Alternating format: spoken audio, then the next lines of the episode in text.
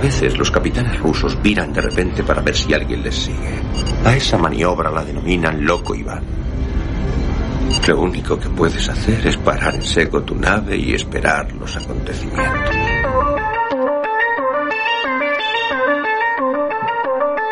Galaxy 347 of Space Patrol calling unidentified ship.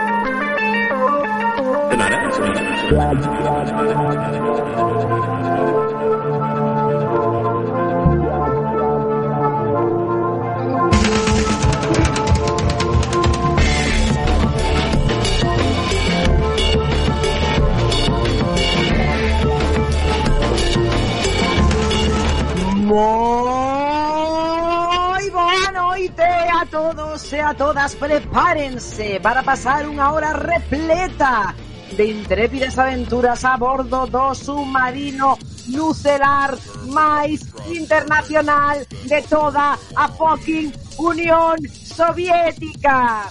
Esta noite vamos a falar de nasos, de nasos, de narices. Estamos en tempo de PCRs masivas, así que nada mellor que dedicar este programa a ese apéndice particular que tanto gusta a algúns por un ou outro motivo.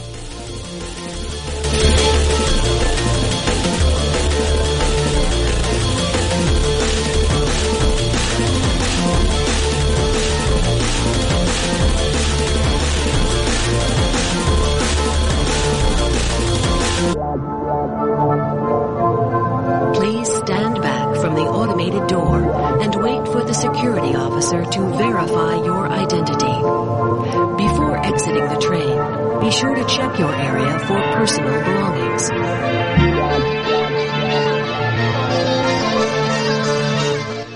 E todo isto non sería posible se non tiveramos ao señor Bugalov na sala de máquinas.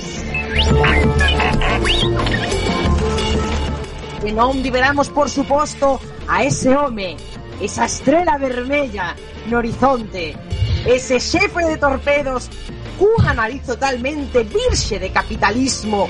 O camarada, lámelo.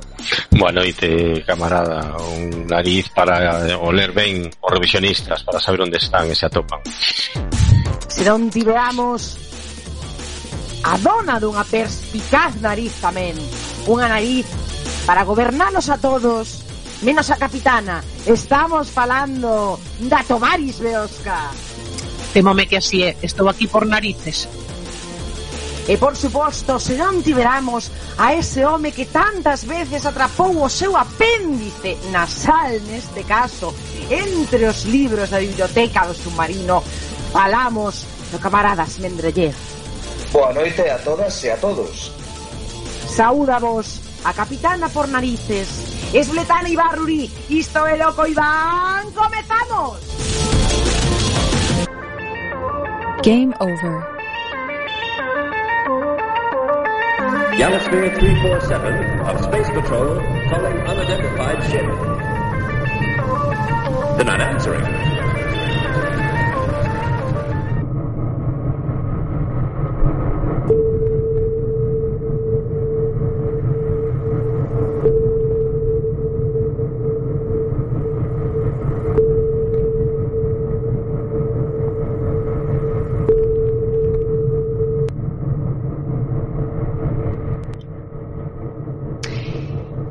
Queridos compañeiros, queridas compañeiras, traballadores e traballadoras todas deste submarino, iniciamos esta noite esta andanza polas procelosas augas do río Monelos falando de narices. Antes de nada quería poñer eh, un pequeño debate en marcha no submarino para saber a cantos e a cantas dos integrantes desa tripulación experimentaron nas últimas semanas eses cribados masivos da sanidade galega que introducen un, un aparato un bastoncillo pola, pola nacha porque é aquí que antes de empezar quería sacar a colación este tema porque eu non sei se a xente eh, un pouquiño así como débil ou non, porque hai comentarios de todos os gustos de todas as pelaxes sobre se as probas PCR de nariz son de narices ou non. Por favor, A ver, a mí pareceme que non é para tanto, pero eu son desas bestas que pensan que en Alien non violan a ninguén, entón pois... fin. A mí fixeron dúas, a verdade, ni me enterei, o sea que, non sei, non, non vin, bueno, como un pouco de ganas de, de espirrar e nada máis. Ai, eso sí. A mí de pres xa vese que me ven moi contagiosa de Lenin Noso Señor e, e a verdade é como se che rascara no ollo por dentro. É bueno, algo así, habitual. algo así. Bugalov, ti estás nasalizado? Non. Ah, Javier, este escenario completamente virxóns e pois eso é bastante meritorio. Nestes tempos que corren Bueno, eh, antes de nada e eh, antes de continuar que temos moito que falar de narices pero teléfonos, teléfonos e eh, eh, eh, arrobas, por favor, rápido datos a nosa audiencia. Esmendrellez Case mellor que comece o camarada Lamelo.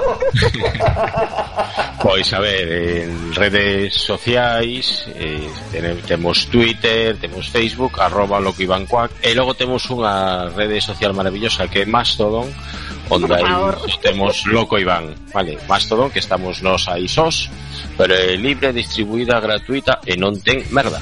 Que Estamos esperando, por favor, que alguén se pronuncie o sea, eh, eh, eh, botamos unha sonda á atmósfera entonces eh, a Baston estamos esperando que en algún momento teñamos teñamos recordo. Notemos que alguén está está vivo ¿no? nos poden contestar dende Marte eh, de Marte ata Mastodon. Eh, xa tes os datos telefónicos Esmendrellez Sí, os que queiran poñernos podres en directo poden chamarnos ao 644 737 303 64 47 37 33 Vale, creo que a audiencia apuntou vehementemente estes números. Falamos de narices, falamos de nasos, falamos de perspicacia, falamos do que queira falar neste momento o camarada Lameloc, xefe de torpedos. Vou, vou. Ah, perdón, perdón.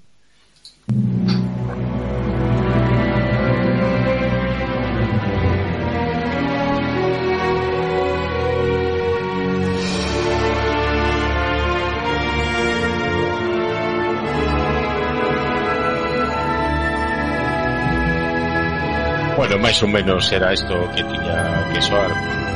Pero bueno, Hercule Saninian de Cirano de Bergerac, máis coñecido como Cirano de Bergerac, pois foi un poeta, dramaturgo e pensador francés, considerado libertino pola súa atitude irrespectuosa cara ás institucións religiosas e seculares.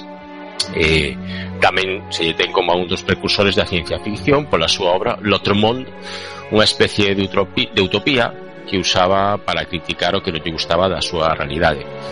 Foi escritor francés máis importante do século XVII, naceu en París o 6 de marzo do ano 1619 antes de Lenin, e estudou no colexio Bubós, Bubá, ou como le diga, e tamén fixou a carreira militar, algo que lle serviu para protagonizar numerosos dolos. Non? Pero a súa fama é maiormente por unha obra de teatro chamada Cirano de Bergerac, de Edmond Rostand, do, de principios do século XIX, e tamén por ter unha napia digna do mesmo Jehová, De feito, foi o primeiro que usou a capa para tapar a cara e pasar desapercibido. Se de poñerse así tapando a cara para que non recoñeceran quen era, pero el o recoñecían polo, polo tremendo picaporte facial que tiña.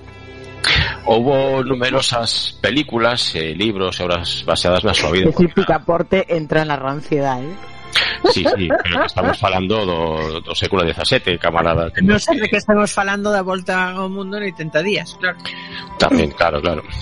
No, por de feito- favor. No, doble combo de ranciedad. Pois, bueno, he traído porque ten algo de, de Julio Verne, precisamente este home, porque xa digo, foi un- unha especie precursor da ciencia ficción, pero no século XVII, que non está nada mal. Bueno, houve moitas películas, libros e obras baseadas na súa vida porque era un tipo realmente peculiar. Hai unha película do ano 1950 dirixida por Michael Gordon e protagonizada por José Ferrer, que levou un Oscar por esa interpretación. A película, a verdade, que está moi ben. Pero eu quería falar da película eh, Cirano de Bergerac, que é o mesmo título, claro, eh, dirixida de por Jean-Paul Rapanet no ano 1990 e con Gerard Depardieu como principal protagonista que hai que dicir que fixo un bo traballo, pois eh, a verdade que un traballo pois eh, camaleónico incluso eh, espectacular, non? A historia, que é totalmente en verso, está baseada na Comedia do Lord, ou sexa, tres homes queren ligar cunha muller e como naqueles tempos o poliamor aínda non estaba moi ben visto, pois usarán as súas artes para tentar conquistala, non? Un deles o propio Cirano, interpretado por Gerard Depardieu, ten o talento literario, non? Eh, o Conde de Witch, o Hicho, eh, interpretado por Jas Weber, ten o poder e, polo tanto, a maldade E o puberto mamador Cristian de Nevillet interpretado por Vincent Pérez, ten a xuventude e a beleza, e tamén pois, o, era un pouco cateto, o pobre. Eh, Cristian pois, pide axuda a Cirano para escribir castas de amor a Rosán, eh, que é interpretada por Ambrochet, e realmente pois, esta muller é vítima destes acosadores, hai que dicilo. Claro, efectivamente. Claro, que os tipo, se acosando a pobre muller e eh, supoño que estaría pensando que a deixaran en paz.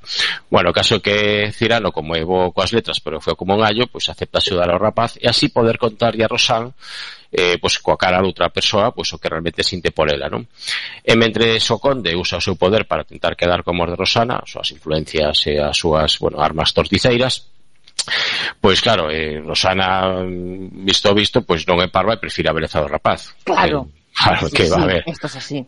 Que además pensa que, bueno, o rapaz escribe moi ben porque realmente Cirano quen escribe as cartas, pero a ver, a realmente lo que interesa non son as cartas, que eso importa un carallo. O que quere unha boa festa co rapaz, e a ser posible que non fale moito, vale? que lle dea todo o brío que poida, claro.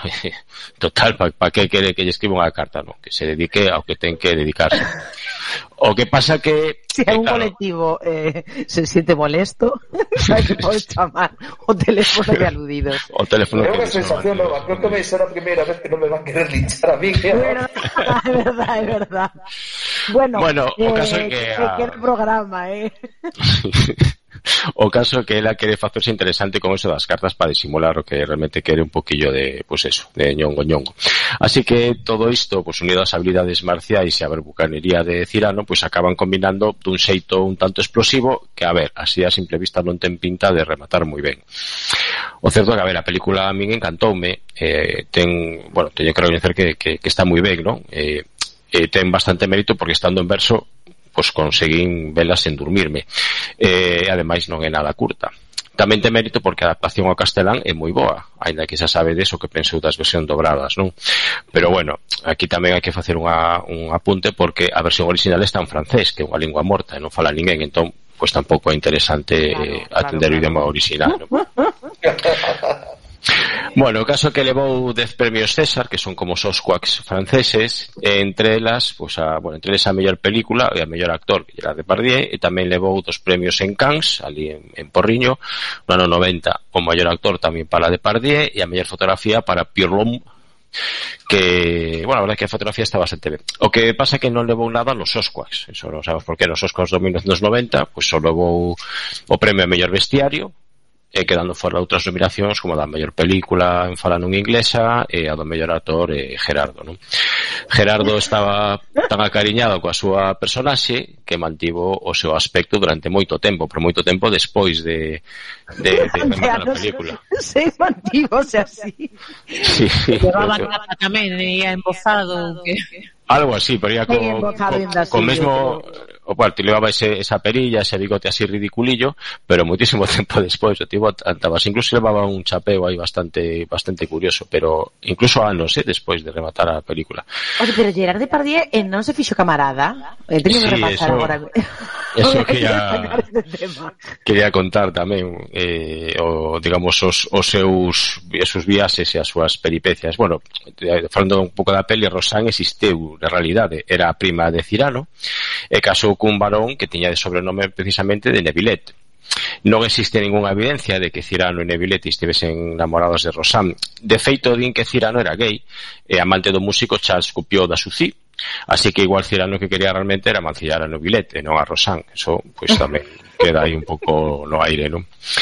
A película pois eh, tivo un total de 2000 actores extras, 2000 traxes, eh, de, de todos esos traxes esa metade foron deseñados especialmente para a película, a verdade que, bueno, está espectacular o que no, na ambientación, o vestiario, no?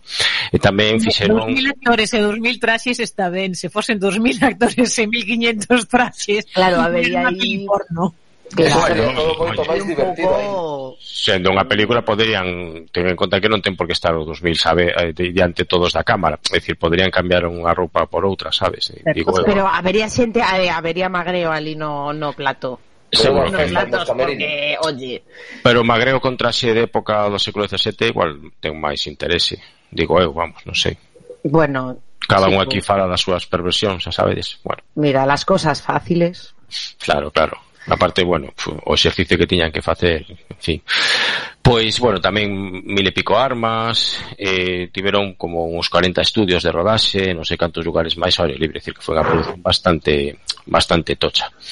O, o, o certo é que Cirano, ademais de ser un dos máis importantes escritores eh, dos, do, ano, bueno, do, do século XVII francés, tivo unha personalidade verdadeiramente ecléctica, é dicir, facía un poquinho que lle, o que lle petaba, no, novelista, dramaturgo, autosatírico, escribiu o primeiro capítulo dun tratado de física e foi un libertino, é dicir, pouco pouco antes de morrer quería liderar unha especie de vanguarda cultural así un poquinho hipster, supoño, unha nova filosofía de vida, decir, un, un hipster ou un hippie, que decir, como se fora... Xente que se deixaba tocha longa, non? Sí, sí, eh, claro. igual tamén utilizaba para, para pasar a aspiradora era unha especie de, de Julio Verne como dicen antes eh, e o que pasa é que tiña unha gran capacidade para loita e tamén, bueno, foi moi polémico, controvertido, claro, porque unha personalidade así, pois nesa época, pois non estaba moi, digamos, moi acomodada na sociedade ben pensante daquela época, non?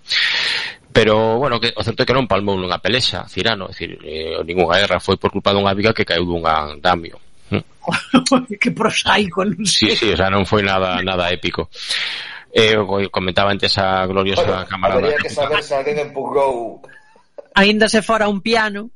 Eso é unha interpretación que fai na peli, pero non está para nada eso nin documentado ni nada que fora un intento de asasinato, simplemente pasaba casualmente por un sitio e caíu unha, unha viga por hoxe un andamio, non? Non, non era como un andamio deses como temos aquí na, nesta cidade, que teñen que poñer unha tela verde e xa non, non cae nunca nada, porque esas gloriosas telas verdes fan que, que non caían nin edificios, nin andamios, nin nada, aí non tiñan tela verde. Bueno, pois pues, ese Depardieu está nacionalizado ruso, porque tiña unha acusación de violación e outra de evasión fiscal, entón o tipo pensou que que mellor sitio para Rusia que, bueno, que pasar ali o, o, o seu o seu tempo, non? Ten restaurantes, viñedos, e bueno, e hai que recoñecer que combatou O sea, un comunista de pro, vamos, totalmente. Sí, sí, sí, claro. O que pasa é que, bueno, Rusia... É o mellor sitio para evadir, non? Para claro. claro, claro. É un sitio, vamos, para comunistear a base de ben, sendo un potentado, e aparte, bueno, un tanto Os infame. youtubers están moi, están todavía, non chegaron aí. O sea, están non indo a Andorra cando o sitio que, que ide a Rusia. Pero que de repartir non cabe en Andorra, porque o, o de andar por restaurantes por aí incrementou bastante o seu volumen e Andorra é un sitio pequeno. Entón, en fin. Bueno, é certo pues... que, joder, que Depardieu eh, pasados eh, tantas tantas décadas, bueno, sí, tantas décadas xa, segue sendo sempre recordado eh, por eh, si sí, o que fixo Cirano de Bergerac, o sea, incluso por xente que nin viu a película. Que hai que dicir sí. que Depardieu ademais xa estivera na cadea antes de facer Cirano de Bergerac. Estivera varias veces, sí. Eh? Estivera varias veces, non? Por pelexas e eh, disturbios así un pouco... É un, é un pouco bulla seca. Sí, Como sí. Pablo Hassel. Pégalle, pégalle. Pero él non, can, non cantaba. Tamén fixo un bo papel en, en 900 de Bertolucci, hai que, hai que dicir. É verdade, pois é verdade. Papeis vos, pero eu o que lembro tal vez con máis agarimo é o dos tres mosqueteiros que fai un gloriosísimo Portos. Bueno. Pa, eh, sí, pasemos amigo. ahora mismo, olvidemos este comentario. eh... A mí me encanta. Pois mire, o, o tipo eh, resulta que ten un documental que se chama Homes en Límites, que o fixeron, bueno, que sai unha televisión francesa e que o poñen podre, pero podre, podre. O sea, vamos, o, ese documental o poñen de monstruo para arriba, pero no, no sentido chungo da palabra, non? Así que, bueno. Non é monstruo. Algo faría. algo faría, algo faría, porque o que contan ese documental, vamos, o deixa como altura de Betún. Pero, como actor, a verdade que é moi bo e a película eu digo que é moi moi moi recomendable a min encantame verla e eh, non non envelleceu nada mal esa película. Tes algo máis que dicir de narices? Eh, non, non, de momento non. Bueno, pois neste punto, chegados a este momento, eu creo que o máis importante agora é escoitar o que nos ten que dicir un experto en nasos, como é o camarada Esmendrellev. Bueno, Pois, que podemos dicir? A verdade, capitana, que tiña pensado como a literatura non dá para tanto falar un pouco máis de, de bioloxía, non? Sucede que de ah. pronto me dixeron, pero como non falas de Quevedo de Góngora? E dixen, oh, vaya, por Dios, a única que se me ocurría que dixen, ah, esta non, que seguro que ya la tiene la gente moi vista ou la pilla outro. Eso, entón, pues, a ver, Esmendrella fixo un baloncesto, chamase Aclarado, non sabes? Aclarado? Sí, eh, deixamos a Quevedo para que o xogue Esmendrellev, non? vale, moi ben. Penso que pensamos todas, non? No de, bueno, a, a, alguén fará o, o poema unha nariz, e ao final non o fixemos ninguén. Que, por certo, acabo de descubrir na Wikipedia que hai dúas versións. Pero, ah, bueno, pois, como é demasiado facilón, pois que o busque a xente aí na Wikipedia que é fácil e xa vedes as dúas versións de, de a un nariz. Ese posiblemente pois o poema sobre narices máis famosos da, da literatura hispana, non sei se na literatura rusa, da que non son moi experto porque dame máis o estranxeiro, como todo mundo sabe, as cousas capitalistas de, de países como España. É así, pero posiblemente érase un hombre a unha nariz pegado, érase unha nariz superlativa, érase un nariz sallón e escriba, érase un peje espada moi barbado, pois xa dos dos primeiros versos máis coñecidos, non? E unha cousa que coñece moita xente tamén é que estes versos foronlle compostos eh, por Quevedo a Góngora, que todos sabemos que se levaban moi mal, non? Entón, pois, como Góngora tiño unha nariz aí importante, compúsolle isto. Que va, chamalle... só, só querían xogar. Xa. Eso estaban xogando. A ver, quero decir, tratándose de Quevedo, Góngora do que tivo sorte de sair vivo. Igual eran amantes tamén, como Cirano e o músico, eh? tampouco podemos... Eh, entra, entra sempre dentro do posible, porque mesmo chegaron a posuir o mismo teito, ainda que Uy. de formas diferentes. Ui, pois... Ai, Aí, aí, Esa que é unha cosa que non, non é tan coñecida, non? Porque o caso que se tiña moitísima, moitísima gavia, non? Neste caso, pois, eh, metíase coa nariz de Góngora por ser narigudo, e chamarlle narigón ao largo de todo o poema, pero en realidade o, o que máis chama a atención para min, non? É que lle chama sudeu dúas veces nun solo poema, así de forma indirecta, non? E, e porque, bueno, hai que, que, que recordar que o noso bo amigo Quevedo, aparte de ser un excelente literato, un espadachín e un matador de homes, tamén era un cabrón cacista, das súas son, as súas son as, as palabras antes puto que gallego, por dicir unha de moitas, Entón os judeus, pois, tiñalle, tiñalles moita manía tamén, non? Ela que usaba de, de ter antepasados judeus a Góngora, E de feito, pois eh, o verso máis os dous versos o que me refiro, hai unha parte que di Por sorte iso xa non pasa, xa ninguén lle ten manía aos xudeus. Efectivamente, vamos. Bueno, vamos a ver, algunha xente lle ten manía aos xudeus, non? En esta semana ni nada tampouco, non? No decir, hai eh. que ter tamén, non sei se vos fixaxedes na, nas imaxenes da mociña en cuestión. A ver, explique porque a, a mandíbula esta, a mandíbula pasalle de lado a lado, vamos, miñarai. De Yo feito, cabritas do monte que comían menos que, que de feito, Medina, que non é precisamente un apelido moi de bello cristián, Eh, e o segundo apelido non lembro como era, pero que tamén dicían que era de, de orixe moi xudeu. Vamos a buscar eh, como era. Igual se fai esta muller un análise destes de ADN para ver de onde veñen os... os Uy, se lle fa un análise... Se leva un, unha sorpresiña. Si é que pois que se análisis leva empresa, porque aí podes sair un montón de Peralta, Peralta. estupefacientes considerables, porque esa penso que é a colocada.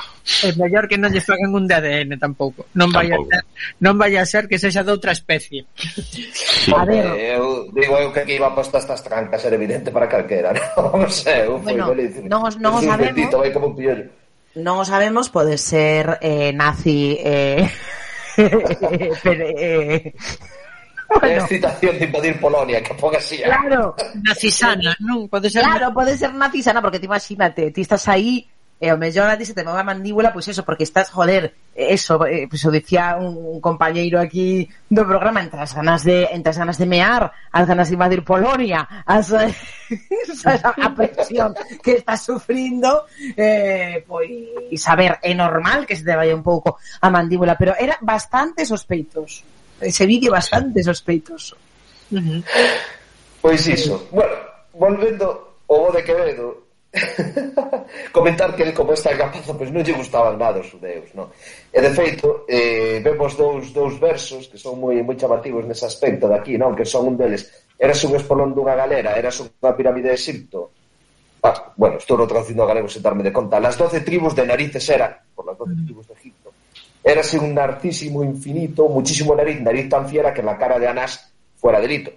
Que Anás, pois, foi durante, entre, penso que foi entre os 6 e o 17 despois de Cristo, ou antes, non, non me lembro moi ben agora, foi un dos máis famosos eh, líderes do Sanedrín Sudeo, eh, bueno, pois que todos sabemos que son famosos por ter sido os que crucificaron a Cristo, cal, pois na moi católica España da época, pois era unha cousa así. Sí, ese tío cantaba moi ben en Xesu Cristo Superstar. ten, ten unhas cancións estupendas. Ainda facía desa película, hai que dicilo. Eh, falando da versión española, posiblemente a que máis me gusta é a de Judas Iscariote. Está moi moi ben cantada. E da outra que a inglesa tamén. Está Pero que, o sea, que está pasando hoxe? Porque ti ibas a falar de apéndices fisiológicos e me, nadie quería falar de Quevedo e agora estamos falando. Bueno, que matando. Simplemente tamén que decían, tiñanse tanta manía que cando Góngora, que era moi gastador, porque era crego, xa sabemos que os cregos son moito de gastar en boas cousas, bobiño e todas estas ah. cousas, eh, quedou sen cartos e tivo que ir a vivir a unha casa de alquiler Quevedo, que estaba bollante nese momento, comprou a casa solo para poder botalo fora. Oh, no, cale algo mala leche. Bastante, bastante, bastante glorioso. Hater nivel pro. Exactamente, era o primeiro hater pois eh, coñecido pode ser Quevedo. Será eh, bueno, como o caso, o caso que contaba outro día de, de Benur e eh, Mesala. Igual ten a mesma historia aí. Aí, aí. Las ostras. Todo Las pode ser. Esa é das mellores escenas dunha película endesa máis vista. Esa era Espartaco. Antonino. Ah, perdón, perdón, que estaba eu, estaba eu. As ostras e os caracois. Estaba mezclando Ricky Pim. e bueno, agora sí vou largar un par de curiosidades eh, fisiolóxicas sobre o nariz. Primeiro, é o sentido máis antigo É unha cousa que pensamos desta forma os, os biólogos, non? Porque todas as especies teñen o mesmo tipo de funcionamiento dentro do, do sistema olfatorio. É o sentido máis rancio, queres dicir, a contesa dos sentidos, eh? A contesa dos sentidos, é o máis gancio de todos e un dos que provoca maiores placeres, igual que a contesa. Ninguén pensa nela, pero fai falta que estés que aí. Sí, señor. Bravo. Entón, en todas as especies os receptores químicos do olfato funcionan nun medio fluido que no caso noso é o moco, que sirve, para que sirve isto? Pois se ti és unha quenya, estás na agua, que sabemos que poden cheirar unha gota de sangre a tomar por o cu de longe e tal, pois xa se difunde pola agua as partículas que logo nos eh, unimos, non? Se estás no aire, pois precisas algo que apoña en contacto cos receptores, en este caso, no noso caso, sería o moco, non? E son as sinapses do nariz e as neuronas da nariz son as únicas que se regeneran rapidamente dentro de todas as sensoriais. Por eso, inda que o COVID nos pode deixar sen olfato durante unha temporadiña, volvese a recuperar ao cabo dunhas semanas o sentido do olfato, afortunadamente, se nos comese o nervio óptico, pois sería a cousa moito máis jodida, non? Así, de primeiras parece que sí, sí. Sí, sí que dá, sí que dá esa, esa sensación. O nariz tamén hai que dicir que unha parte eh, importantísima da cara. Nunca escoitache des cando eres capaz que se tiña de ese acné, cabrón. E quería dicir aí, fedellar, que non se debe de fedellar. Non o fagades, mozos, non fedelledes nas espinillas. Pero non vos dixer, cuidado coas do nariz, te podes morrer porque está el triángulo de la muerte. Sí, é certo. O Triángulo é Pero certo, que- certo. o sea, perdona, yo el triángulo de la muerte no Sí, lo tengo sí. ahí, pero, o sea, a mí no me contaron nada de eso. non escoitaras nunca, papi. No, curioso... pero bueno, é eh, que eu sempre tive un cutis envidiable. o curioso é que é certo. Bueno, vamos a ver. O normal é que por, por estallar unha espiniña no, no nariz que non, non morras. No, no, normal, o sea, por norma será el xente non moque por facer eso. Bueno, pode poner a quen pilles diante, claro. Vou a buscar en Google se si hai alguén que morreu por espinilla podería, podería suceder. E de feito, morte por espinilla aí en, en... Seguramente pase. En o triángulo da morte é a parte da cara que va desde as comisuras dos beizos hasta o entrecello. É basicamente pois o nariz, non? Oh. Entón, eh, dentro de dentro de todos os órganos que temos nesa, nesa parte do corpo, temos que ter en conta dúas cousas. Primeiro que hai unha, unha zona venosa que se chama o seno cavernoso, que non ten válvulas, col cal se temos unha infección aí dispérsase por toda a zona cranial anterior. E segundo, aparte que o nariz é unha vía moi rápida de, de entrada de calquera órgano, de calquera tema infeccioso o contaminante ao cerebro. Hai algo que nos protese, eh, xeralmente, eh, todo o que o, a circulación cerebral eh, do resto da circulación, no? que a, bueno, a barreira hematocerebral, que no caso do nariz pode ser traspasada directamente a través dos nervios os nervios de nasais da, que van que van a dar. O que deben ser no tamén o final o tricésimo, a amígdala, etc, etc, etc. É relativamente unha vía rápida, relativamente rápida de entrada destes contaminantes ao cerebro. Por eso hai certas cousas que se meten pola nariz. Por exemplo, e que actúan moi rapidamente, por exemplo, unha suposta vacuna que están desenvolvendo agora do COVID que vai atravesar esa barreira dunha forma máis sinxela e que din que, bueno, que pode ser funcionar bastante ben. Os gatos hai, hai vacinas que se lles poñen polo nariz? Hai? Aos gatos hai vacinas que se lles poñen polo nariz? Sí, é que hai varios medicamentos que se administran nasalmente, porque entran rapidamente ao cerebro, fai falta menos dose e van máis directos. Hai xente que usa de forma que creativa tamén, non? Alguns mesmo son conselleiros e deputados, eu que sei. Cousas, cousas así. Entón, si existe este triángulo da morte que sempre está pois, dentro do posible con infección aí sea terrorífica. De feito, hai outra cousa que tamén nunca vos pasou estando no hospital, a min pasoume, que escoitei, pois que xa, as que ha pasado que esta planta algo terrible, porque o outro día vi un chico que tenía unha infección del nervio trigémino e le dolía tanto que non paraba de gritar e non había morfina que lo curase e al final se suicidou. Mm. Esa lenda urbana chegou vos ou esa non? Sí, sí, sí. Non, sí. a mí non. Joder, pero, pero, pero, pero onde estou vivindo eu? Eh? O sea, non coñecía nin o Triángulo da Morte, nin o rapaz que se suicidou por dolor de nariz. Eu non coñezo non o coñezo como un caso concreto, pero sí que teño escoitado que é unha dor tan forte que, que, que te podes chegar a plantexar o suicidio. Joder, joder. Ou algunha vez alguén a facelo, pero bueno.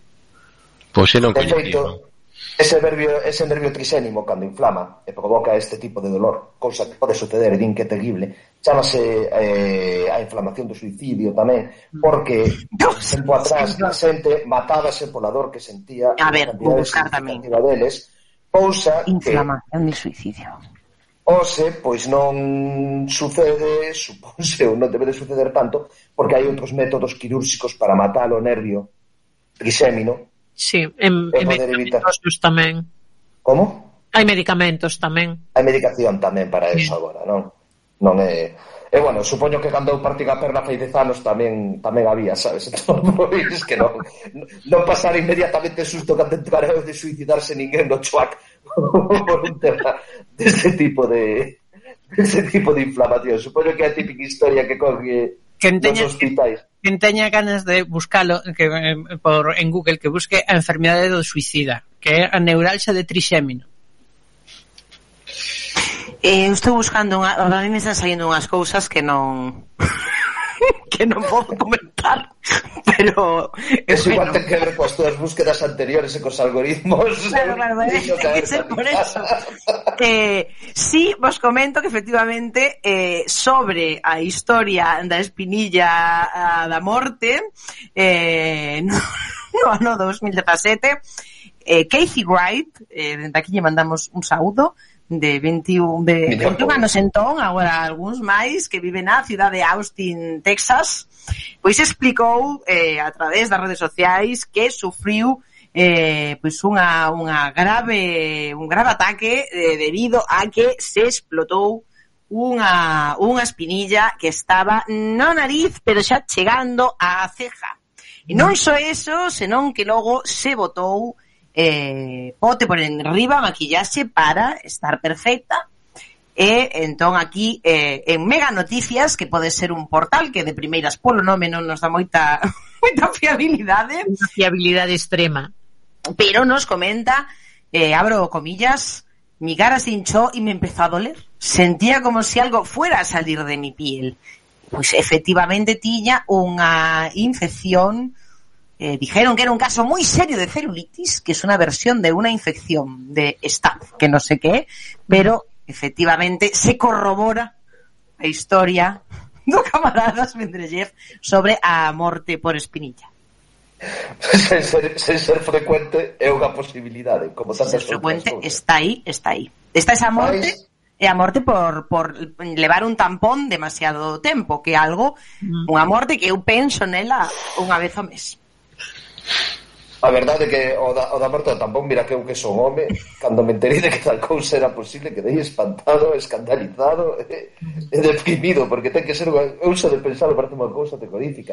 E o peor que cando investiguei un pouco internet sobre o tema, parece ser que esa, esa morte que é terrible é moi común na India, porque ali moitas mulleres, pois non, desafortunadamente, non teñen a, a opción de conseguir material de higiene femenina facilmente eh, bueno, pois como, como se suele facer aquí, entón teñen que apañar con vendas que limpan unha e outra vez é eh, unha, unha posibilidade de morte pois terrible causada pois pola, por unha parte pola pobreza e por outra parte pola ignorancia das normas de xere máis básicas. Eu non sei por que estou falando desto agora. Eh, pero, pero, pois, pero, unha cosa que estou moi impactado. Eh, eh bueno. entón, pois, bueno, dúas, dúas datos máis super rápidos, non? eh, os homens non somos moi bons olfateando. Vale, temos 5 millóns de células receptoras. Para comparativamente, unha gata ten 10 millóns, un coello 20 millóns, un can 250 millóns. Rex cheira de puta madre. eh, O olfato dos cans non é unha lenda, eh? é algo que é moi certo eh, e eh, que ten unha capacidade moi superior a nosa. Sen embargo, un ser humano entrenado pode chegar a olir moi ben, non? Eh, unha nariz entrenada dun profesional de, de perfumería pode distinguir hasta 10.000 olores. Os primeiros que chegaron a América, os primeiros exploradores, comentaban que ali os nativos eran capaces de, de proezas olfatorias que, claro, para un europeo que vivía na puta merda, era unha cousa moi complicada. En cambio, para eles, que sempre foron fentes, só foron xente tirando a limpa, que vivía na natureza, pois podían distinguir o mesmo cheiro dunha serpe de cascabel que estivera agachada no medio dunhas matas de almizcle que tamén teñen un olor moi moi forte. A falta de olfato sobre ser síntoma de moitas enfermedades. É unha das cousas que aparece no, no 85-90% dos, dos pacientes de Alzheimer e tamén pasa no Parkinson moito e outras enfermedades que teñen que ver con degeneración nerviosa pode ser un síntoma máis ou menos temprano. Temos unha enorme cantidade de noso ADN dedicada a isto 400 genes, aproximadamente un 5% do noso xenoma está dedicado a poder cheirar. E realmente axúdanos tamén a degustar. O 80% do sabor da comida ven dolor. Por eso hai unha palabra que se debería utilizar, que é un pouco mecánica, que é flavor, a mezcla de olor e sabor, que é o que nos percibimos realmente cando comemos a, comida. E nada, iba a seguir explicando de onde se sacan os perfumes, pero para que entrar en cousas desagradables, case o vamos deixar para outro capítulo e, e así poden falar tamén un poquinho a camarada Beosca. Pero antes de Beosca, para eh, facer un impas destas proezas olfativas, eh, nos vamos a ir á sala de radio. Eh, uy,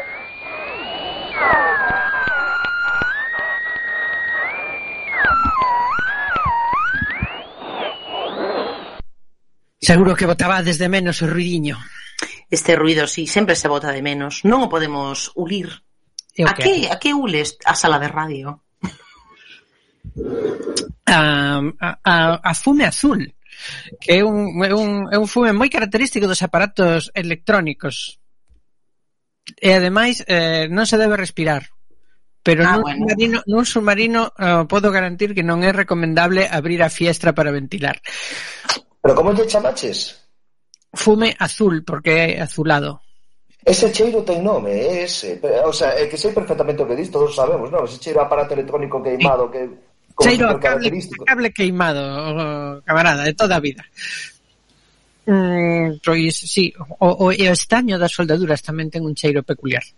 Pero non veño o, non veño falar de cheiros profesionais, senón, como dicía o, señor, o, o camarades Mendrellez, que me gustou moita a expresión, de eh, cousas máis recreativas, usos recreativos da, do que eh, evidentemente eh, como saiu saiu Quevedo que era que era a, o doado, pois eh, eh fixemos aclarado para que eh, Esmendellez pois, pois anotase co tema Quevedo, a min mm, fíxeme o aclarado e pensando no nariz unha canción, a ver, que canción ia ser? Pois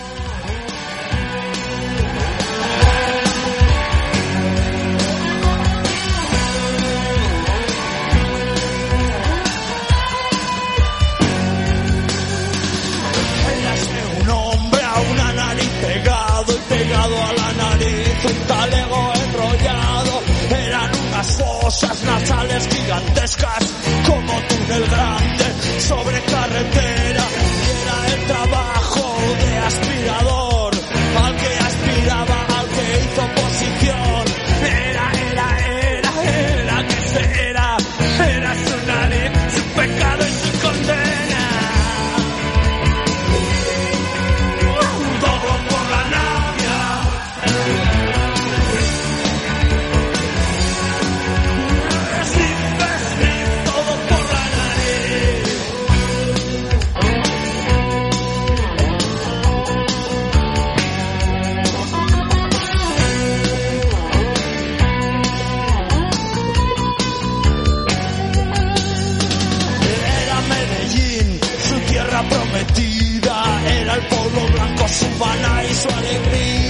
no era un camello, sino una caravana.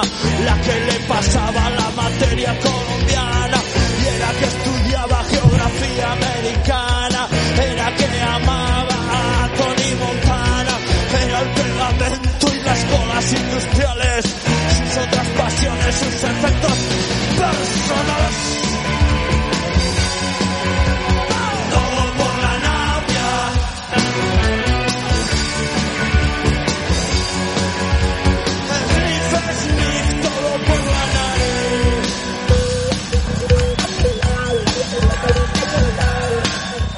Bueno, hai que dicir que quen non disfrutou desta, deste temazo en directo é que ten aí unha edade tristemente equivocada que lle dimos facer, ou un gusto musical cuestionado.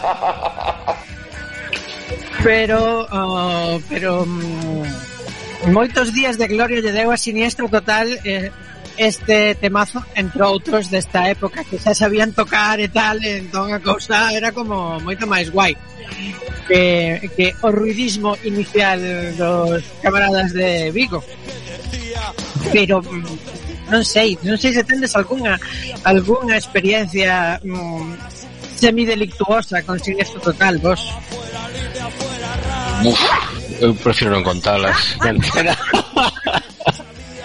pero lembrome dun, dun concerto en Pontevedra eh, hai moitos anos dos primeiros que daba siniestro onde lanzaron un botellazo a un grupo, creo que ya era, non sei se a Julián ou outro non me lembro. Eh, e pararon o concerto aí se montou un bo, un bo follón dicindo que a ver se si subía aí o que tirara a botella e tal. Fora xusto despois da época xa que xa non estaba Copini. Eh, a verdade que foi bastante guai ese concerto. Pero ti non ti, ti queres dicir en directo que, que ti agrediches a no, no, no, no, no. Iso eh, a máis, a máis que a mí sempre me molaron moito.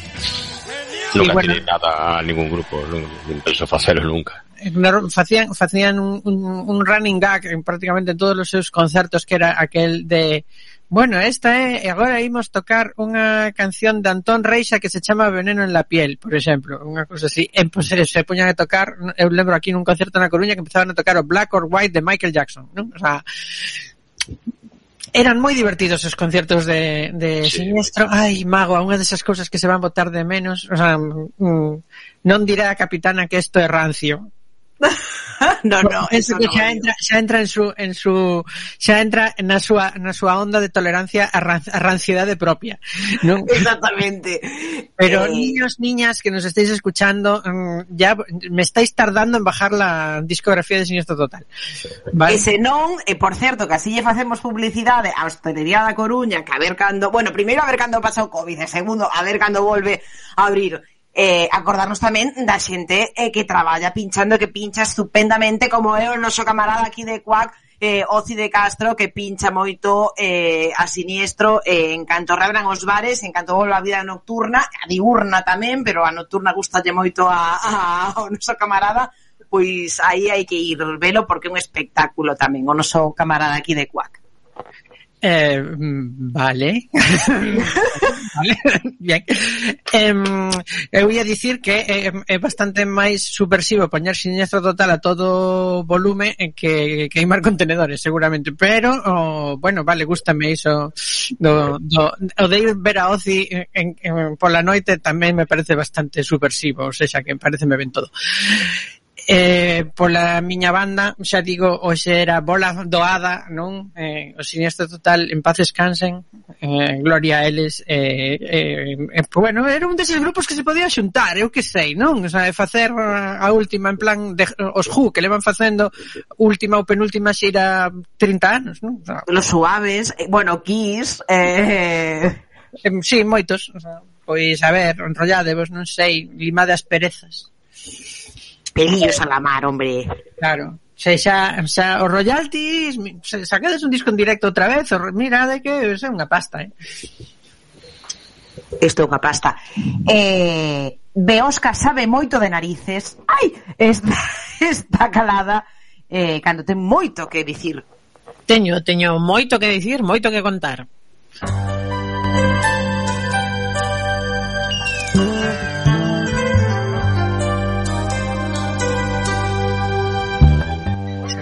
Eh, y hemos empezado un poco de radicera de que sabemos que a Capitana encanta llegar. eh, a obra de Cirano de, de, de Bergerac tivo mm, por favor. moitísimas moitísimas derivadas. Incluso incluso é típico nas, nas series de comedia sempre hai algún capítulo que se parece que hai algún dos protagonistas axudando a alguén a conseguir o amor de outra persoa pois escribindo as cartas ou, ou soplándolle por un micro que ten que dicir debaixo da ventá ou o que foste. Eh, en 1987 saiu unha, unha película chamada Roxanne, protagonizada por Steve Martin e David E por eso tiña esta musiquilla así como de peli erótica eh? noventera. Verdad, verdad que se nota moitísimo que é moi moi 80s. Ben, pois é unha peli moi moi 80s. A verdade é que sí, pola música e por absolutamente todo. Yeah. Eh, e bueno, está baseada en, en Cirano de Bergerac, pero bueno, na, na vida moderna, en este caso, o, o entre comillas, Cirano, que neste caso chamase Charlie, e que Steve Martin, por suposto, é eh, o xefe de bombeiros dunha pequena aldea que non pode operarse a, o seu enorme, pero moi enorme, quero dicir que pode pousarse un paxariño nel eh, nariz, porque é terriblemente alérgico a anestesia. Eh, Foradiso é inteligente, divertido, carismático, moi querido na aldea, enamórase de Roxanne, que é unha estudiante de astronomía que chega á aldea en busca dun novo cometa, pero que, que bueno, aínda que faise moi moi amiga de do protagonista, pero mm, moi amiga amiga de mm, Friendzone, sí, pero te moita, pero que non ten nada Friendzone, porque hai outro que está Cachas, eh, Chris, que no, na obra original sería Christian, aquí o chaman Chris, pois eh, gustame máis este, e bueno, pois o Steve Martin acaba axudando a outro pois a escribir as cartas e basicamente xa vos digo a historia de Cirano de Bergerac pero en 1987 eh, a mí non me gustou nada non a vexades xa facía tempo que non facía isto, pero penso que é socialmente importante que a xente non perda o tempo nestas cousas. Pero sale Daryl Hanna, eh, que é unha das nosas idols. Uh -huh. Sí, pero antes de redimirse, ¿eh? cuando ainda estaba... cuando estaba caendo, ¿no? Antes de... Antes do rebote. Foi antes de ser. O que si sí ten esta película é unha escena que esa así que a lembro eh, con, con auténtico cariño porque é divertidísima, é unha escena moi curtiña nun, nun bar que eh, alguén insulta ao protagonista eh, chamando pois narizudo e outro queda así e di en serio, en serio, estás me chamando narizudo ou sexa, tes a alguén diante con isto no medio da cara E o máis orixinal que se che ocorre é chamalo narizudo, é perder unha oportunidade na vida, non? E, e outro, claro, mm, oféndese e di, eh, tío farías mellor. Dixo, pois sí, podría pensar moitísimas frases moito moito mellores, moitos insultos moito moito mellores que ese. Eh, entón fan como unha pequena aposta eh, e ao final el ten que pensar en 20 frases mellores que, sinxelamente dicir, eh, narizudo, 20 insultos mellores que a ese. Que, por certo, hoxe descubrín que mm, eso en realidade tamén sae no libro. Eh, os os insultos son diferentes, claro, son, son como máis máis modernos aquí. Eh, eh na peli, na, na peli de Cirano tamén sae, sí. Efectivamente, é o que a dicir, podedes eh, atopalo facilmente eh, por Cirano de Bergerac escena do nariz, pero o que non ides poder eh, atopar é o corte desta película, ou non polo menos en, en ruso, nin, nin ningún idioma que poidades entender así un pouco máis tal. Porque foi destruída a película completamente. a película Foi destruída. Igual, igual foi por iso. Bueno, a o ver... O criterio, por outra parte. Sí que aparece en inglés, pero pero a ver. bueno, para que non teñades nin que buscar iso, eu trouxen aquí algunhas das que me pareceron máis máis divertidas, eh, como por exemplo, obvio, desculpe, iso é o seu nariz ou aparcoulle un bus na cara? Meteorolóxico, todo o mundo a cuberto, vai esbirrar. Elegante, Poderías disimular o nariz se levases algo máis grande como mm, Wyoming. Puntual. O teu nariz chegou agora, pero ti chegaches 15 minutos tarde. Filosófico. O importante non é o tamaño do nariz, senón o seu interior. Humorístico. Ri e o mundo rirá contigo. Esbirra e adeus Seattle. Comercial. Boas, chamo de teais, podemos pintarlle o nariz por 39,95 compasivo. E logo que foi? Os teus pais perderon unha aposta con Deus. Científico. Esa cousa seguro que influe nas mareas. Curioso. Cando paras a cheirar as flores, asústanse. Pornográfico. Por fin, un home que pode satisfacer dúas mulleres ao tempo. Yeah. Religioso. Pois o Señor proverá. E contigo non deixou de prover. Lo siento. É a vostede quen lle poda os pelos do nariz. Paranoico. Mantede a ese tío lonxe da miña cocaína. Aromática. Ten que ser maravilloso despertar pola mañá e cheirar o café do Brasil. Ben, pois, eran todas así deste tipo eh, en na película de Cirano tamén eran todas así de deste de tipo así que vos aconsello que o busquedes Por outra banda, eh, contestando un pouco a pregunta que se facía o camarada Esmendrellev sobre se habería algo na literatura rusa sobre narices, sí existe un libro escrito en 1836 que se titula O nariz, escrito por Nikolai Gogol, eh, camarada noso, claro, eh, sobre un home que desperta unha mañá, mira se no espello e descubre pois algo que nos pode pasar a calquera. O seu nariz desapareceu. Eh, este pode ser un problema para calquera de nós, pero para el era un problema especialmente grande, xa que un cabaleiro, pois cunha vida social, pois que pode verse afectada. Así que sae a rúa a buscar o seu nariz como que sae a buscar o seu canciño ou o seu gato. O normal. O desastre. O desastre. Atópao. Camiñando pola rúa pero vestido cun uniforme de funcionario de maior rango que o seu. Esta é a sinopse do libro, eu non o lin todavía porque dende logo penso buscalo. Ten moi boa pinta, din que é unha sátira moi divertida sobre as desigualdades e injustizas da sociedade rusa no século XIX eh, que pode bueno, lembrar entonces. a nosa. Din que é recomendable de xuventude para arriba, quero dicir, é prácticamente para todos os públicos, así que, que eu penso buscala, ten boa pinta. Eh, ah, pensei que alguén quería dicir algo. Eh, no, no, no. Mm, pois xa creo que rematando un pouco co tema porque están veña a indicarme que son E53 eh, vou son E53 se, está, se, se estamos escoitando en directo se non uh -huh. ben, vou moi rapidamente dos Hana Puti que son unhas próteses que se venden no Xapón oh. nariz semelle máis occidental nariz, sabedes que os, os orientais teñen un nariz así como moi pequeniño e tal, eh, no occidente que o que queremos é ter un nariz pequeniño e tal, pois pues resulta que ali o que queren é que os seus narices parecen mm, parezan máis anchos e máis longos. Eh, son como uns tubiños de plástico curvados, como duns 5 centímetros que se meten pois pola cara externa das fosas nasais e eh, o, o alongan e eh, o ensanchan un, un pouquiño. Hai diferentes tamaños para conseguir a longitude e a anchura de desexadas e a verdade que pareceume moi marciano, pero bueno, moi mm, adecuado para falar. Pero como, como se chama? Hanna Putin? Hanna Puti con H, eh, dúas Ns e eh, Puti con dúas Ts. A mí sabe outra cousa distinta outra vez en Google, eh? algo está pasando aquí, pero a mí o teu Google te coñece, camarada. Eh, no, no, no, perdón, perdón. Aquí se, se poño dúas tes a puti, eh, efectivamente, sabe o que di a camarada Beosca, estou no vendo. Eh,